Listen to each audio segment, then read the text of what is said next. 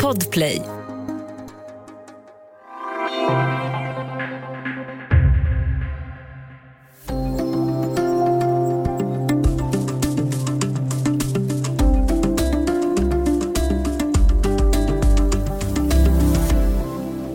Kan man duscha hur ofta eller hur sällan man vill? Eller är det snuskigt att inte duscha så ofta? Och hur ska vi egentligen tänka så här i pandemitider? Det här är Studio DN. Jag heter Aminata Grutt.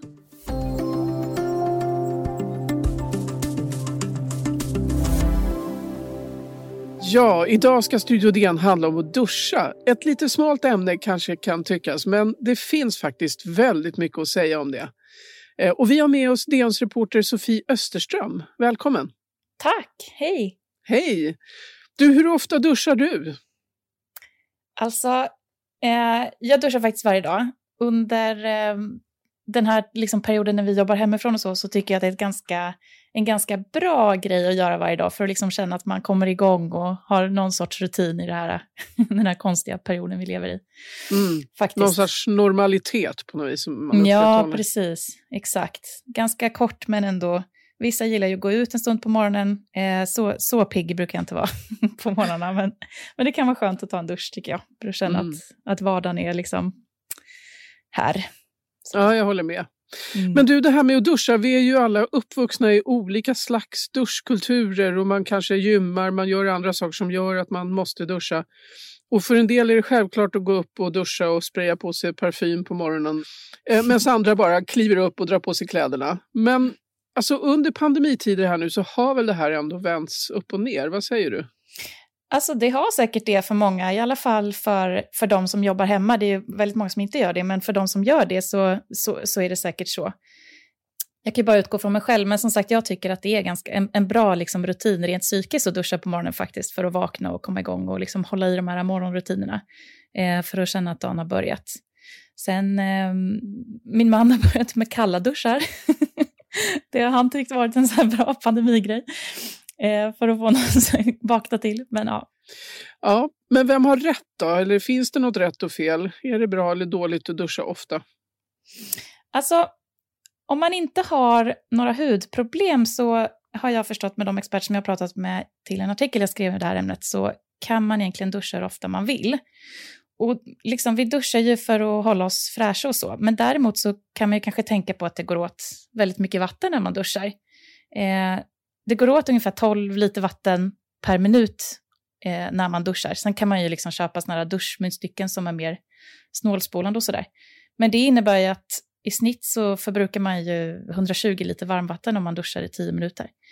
Det är ju ganska mycket vatten. Det är mycket. Mm. Ja, så att eh, ur det perspektivet så, så kan det ju kanske vara vettigt att försöka vara lite mer effektiv. så att säga. Ja, och det här med och huden också, hur den mår och, och, vad man gör med den och så vidare. Det verkar ju också vara en hel vetenskap.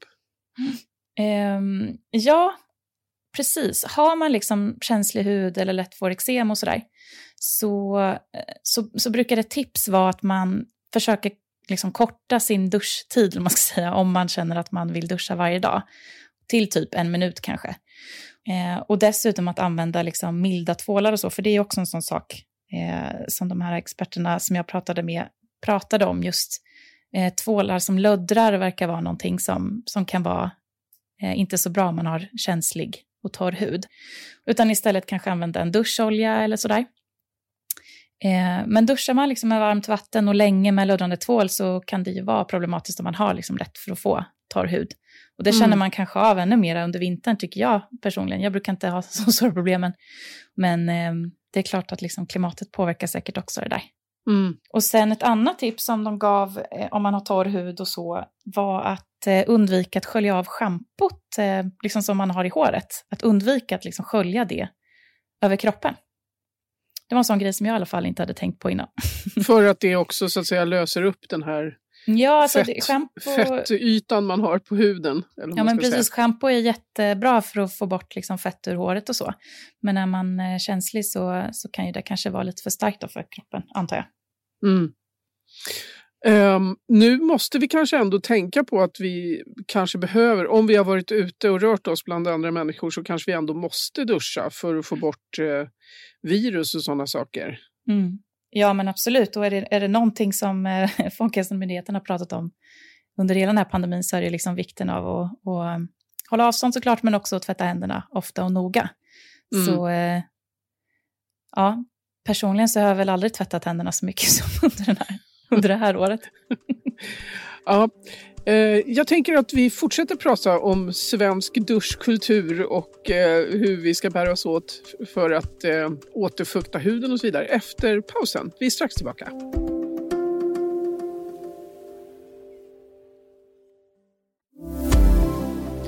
Ja, vi pratar duschkultur och hur man bär sig åt för att inte bli för torr och så, om man nu vill duscha ofta. Eh, hur ofta måste man duscha för att inte vara ohygienisk då, eller för att inte bli sjuk?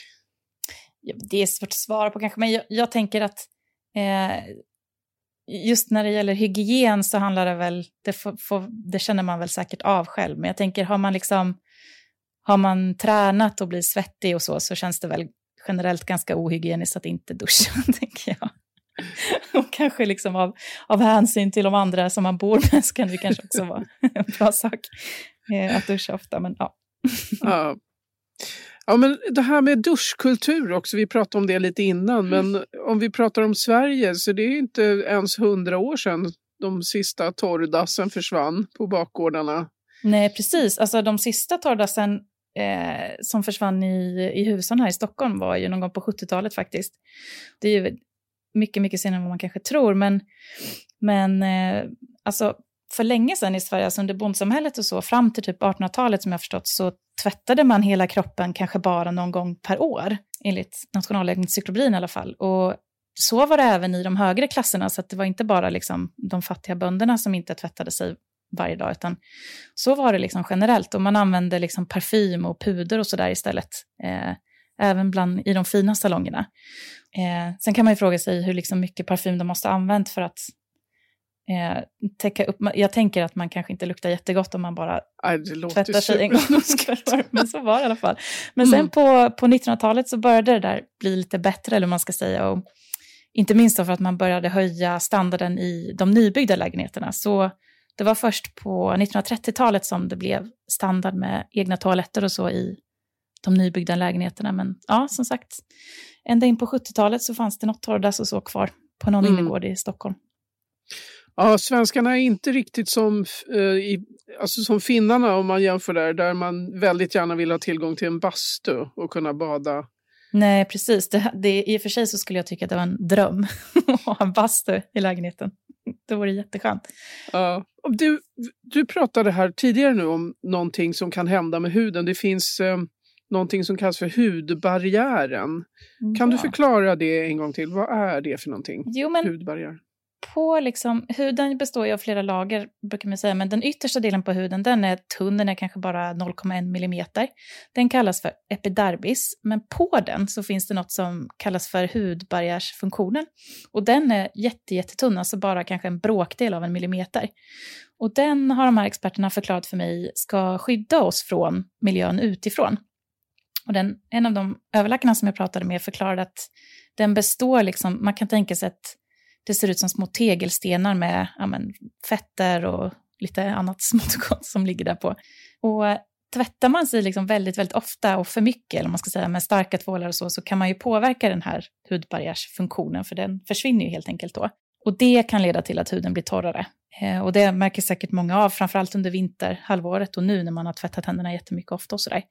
Och då är det helt enkelt jätteviktigt att man återfuktar, för annars så finns ju den här risken att det kan komma någon annan organism eller så som inte ska vara på huden som kan få fäste på den här torra huden och ge upphov till infektion. Mm. Och eh, när man duschar så finns det knep också för att inte bli så uttorkad. Att man eh, till exempel inte behöver duscha så länge. Precis. Vad rekommenderar de här doktorerna då som du har pratat med?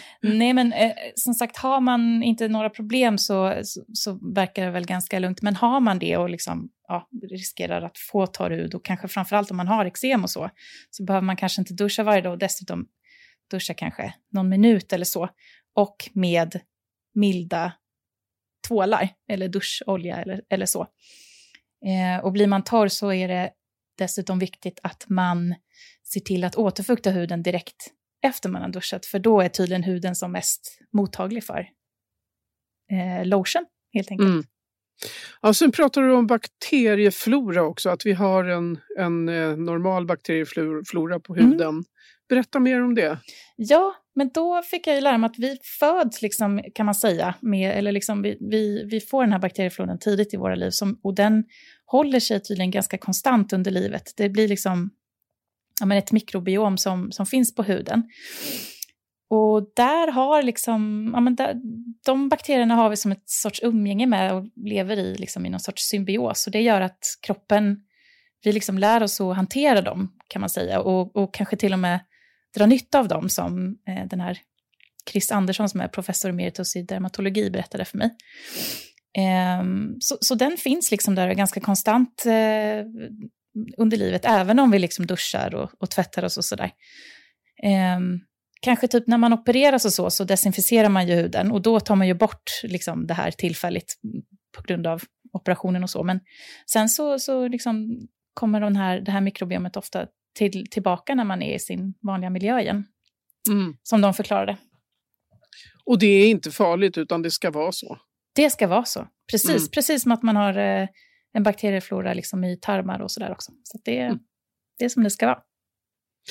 Och sen eh, om vi nu får andra eh, organismer på huden som virus till exempel, eh, som nu i pandemitider vi an, blir rådda att eh, tvätta bort med tvål. Man kan använda handsprit också. Men eh, när man gör det, dör den egna bakteriefloran också då? Nej, det tror jag inte. Alltså, de, de, bakteriefloran finns liksom där även om man om man eh, duschar och sådär. Men det, det och, och tvättar händerna.